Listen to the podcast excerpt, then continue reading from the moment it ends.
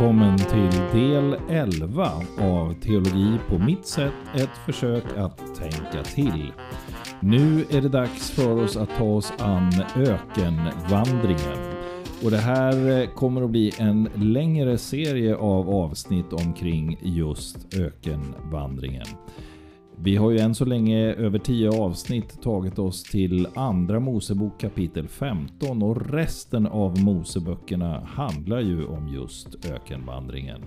Så nu kör vi! Vi har ju tagit oss till femtonde kapitlet i Andra Mosebok. Och från kapitel 16 ända fram till kapitel 34 i femte Mosebok så pågår denna vandring genom öknen. Och för att podden inte ska ta 40 år att gå igenom detta så tänker jag dela in det här i ett antal olika avsnitt. Men jag räknar med att det kommer att ta oss åtminstone fem avsnitt att komma fram till det förlovade landet. Då ska vi komma ihåg att de första tio har tagit oss från världens skapelse till själva uttåget. Jag sa ju redan i början att det här med Egypten och uttåget ur Egypten är någonting som är viktigt i Gamla Testamentet. Och det är inte någon överdrift. Av GTs 39 böcker så handlar alltså 4,5 om bara detta. Och gång på gång citeras händelserna i de andra böckerna. Löftet om landet är centralt. Jag vill också göra en annan sak klar innan vi går vidare. Att mitt perspektiv i allt det här är att fokusera på berättelserna och att ta dem på allvar. I alla lägen så kommer jag att betrakta dem utifrån vad de själva säger och utgå från att de hänt på det sätt som de berättas och att de hänt med riktiga människor. Med det sagt så vill jag också säga att det här skapar en del problem med den berättelse som ligger framför. För det är svårt att ta människor på allvar som beter sig som dessa nyss befriade slavar gör. Det finns något nästan bisarrt i den förmåga att glömma de mirakulösa räddningar som de får uppleva och hur de inför varje motgång önskar sig tillbaka till slaveriet i Egypten. Och samtidigt så klingar det allt för välbekant. Det jag menar är att vi som människor har en nästan outtömlig kapacitet för att fokusera på det negativa och glömma det som Gud redan har gjort för oss. Gårdagens välsignelser och under spelar ingen som helst roll för hur vi tar emot dagens problem. Jag tror att det finns en lärdom här. En lärdom som kan spela roll för hur vi ser på vår samtid och de gemenskaper vi finns i. I kyrkan kallar vi det vi gör att tro. Men kanske så har vi i allt för hög grad accepterat den världsliga definitionen av tro. Det vill säga att vara lite osäker på om det är sant. Men tro handlar mycket mer om att lita på. Vi är inte osäkra på om Gud finns. Vi litar på att Gud är med oss. Vi är inte osäkra på om Gud vill oss väl. Vi litar på att Gud älskar oss. Så följ med nu på en 40 år lång resa av fantastiska mirakel och ett ändlöst gnällande om när vi egentligen kommer fram och om det inte ändå var bättre att bli piskade, misshandlade och bära sten.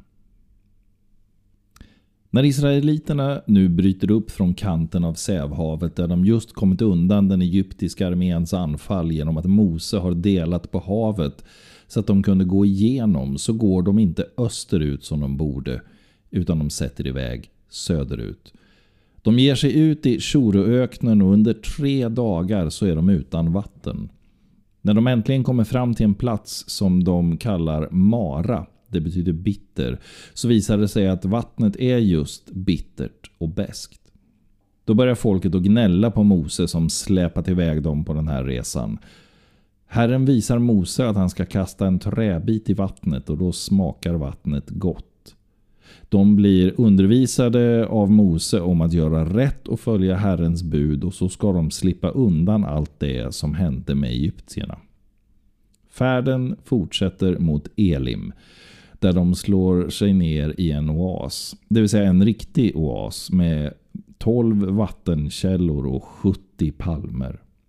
Färden fortsätter efter ett tag mot Sinai och på den femtonde dagen i andra månaden sedan de lämnat Egypten så är det dags igen. Om vi ändå fått dö i Egypten där vi hade mat. Ni har fört oss ut i öknen för att dö av svält, säger de till Mose och Aron. Då säger Herren till Mose att det ska regna mat från himlen. Och så blir det. De ska bara samla in det de behöver för nästkommande dag, utom på den sjätte dagen, för då blir det dubbelt så att de kan vila. Det folk som levat i slaveri där varje dag innebar hårt arbete och misshandel får nu uppleva hur mat regnar från himlen och att de dessutom får en arbetsfri dag. På kvällen fylls lägret av vaktlar så att de får kött och på morgonen så lämnar daggen efter sig något som de kallar för manna. Märkligt nog så verkar det betyda något i stil med Vad är det här? De ska samla in ett åmermått per person. Och om du undrar vad ett åmermått är så förklarar berättelsen pedagogiskt att det är en tiondels EFA. För den som undrar vad en EFA är Eh, så kan jag berätta att det är ett mått som verkar ha legat mellan 20 och 40 liter. Man brukar använda 36 liter som någon sorts medelvärde. Och Det betyder att de ska samla in mellan 2 och 3,5 liter per person av detta manna. De som försöker hamstra manna upptäcker att det blir fullt av mask och luktar illa dagen efter. Utom på den sjunde dagen förstås. Sex dagar får de samla och på den sjunde dagen ska de vila. De som försöker gå ut på vilodagen för att samla upptäcker att det är tomt. Manna är tydligen väldigt gott. Det ska smaka som honungsbröd. Om man nu gillar honung alltså. Mose ger Aron i uppdrag att samla in en åmer manna i ett kärl som ska ställas inför Herren och sparas i alla släktled. Resan fortsätter mot Sinai och när de kommer till Refidim så finns det inget vatten igen. Då börjar folket sjunga den gamla vanliga visan att de hellre hade velat vara kvar i slaveriet i Egypten än att dö av törst i öknen. Situationen blir hetsk och Mose går till Gud och beklagar sig. Han är rädd för att folket ska stena honom. Då får han i uppdrag att gå till en klippa och framför hela folket slå på den med sin stav. Det var väl för väl att han inte glömde den hos svärfar Jetro. När han slår med staven på klippan så kommer det vatten ur den. Platsen får namnet Massa Omeriva som betyder sätta på prov och anklaga. Detta eftersom folket anklagat Mose och satt frågan om Herren är med dem eller inte på prov. Precis efter det här blir de sedan anfallna av amalekiterna. Mose säger då till Josua att välja ut krigare och gå i strid med dem. Mose går upp på en klippa och så länge som han håller händerna mot himlen så går det bra för israeliterna. När han låter händerna sjunka så går det bättre för motståndarna. Aron och Hur sätter eh, då Mose ner och håller upp hans armar och på så sätt vinner Josuas armé slaget. Och nu inträffar något som kanske ger lite perspektiv på hela den här resan.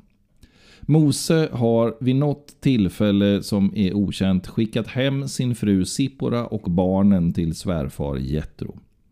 Jetro har fått höra talas om allt det som har hänt och hur resan har gått så han bestämmer sig för att ta med sig sin dotter och de bägge barnbarnen för att hälsa på.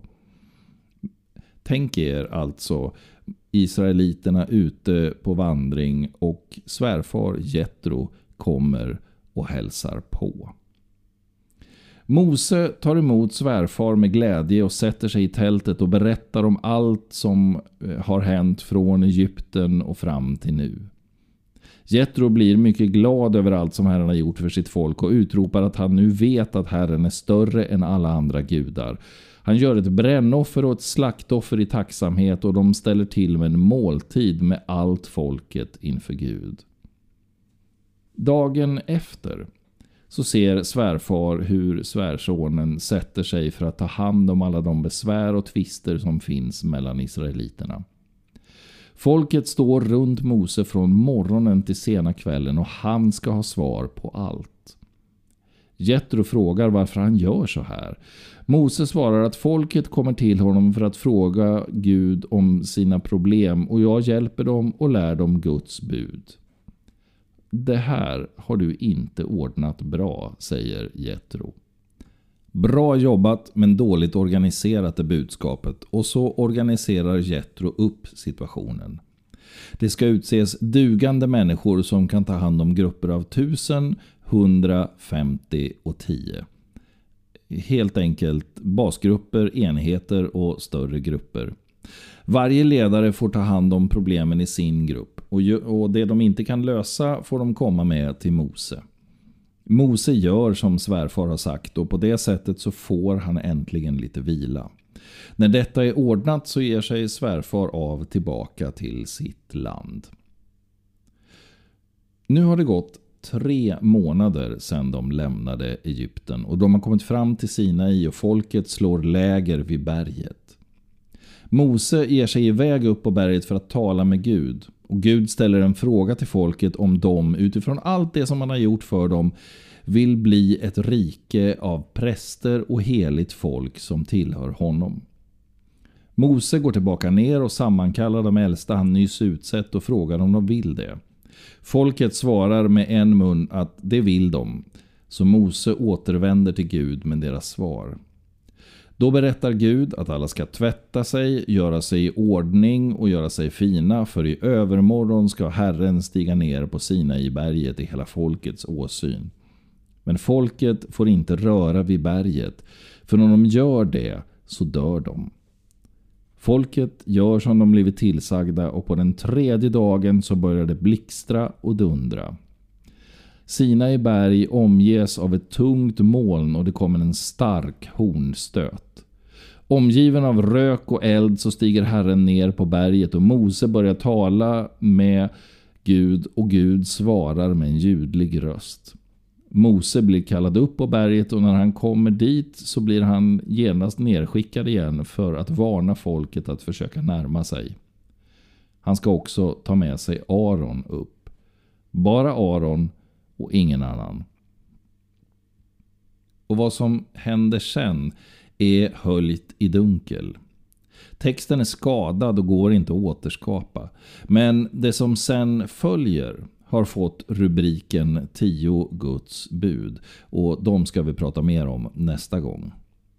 Folket som nu fått höra de tio budorden och sett åskan och flammorna darrar av rädsla och vill inte gå i närheten av berget.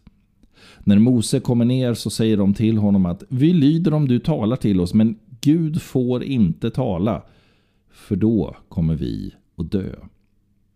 Var inte rädda, säger Mose.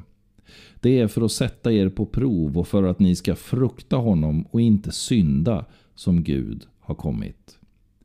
Och så återvänder Mose upp på berget och in i töcknet. Nästa gång fortsätter vi med budorden och lagar och en del andra sådana saker. Det kommer nog till och med att dyka upp en guldkalv. Tack för att du har lyssnat. Vi hörs igen. Hej!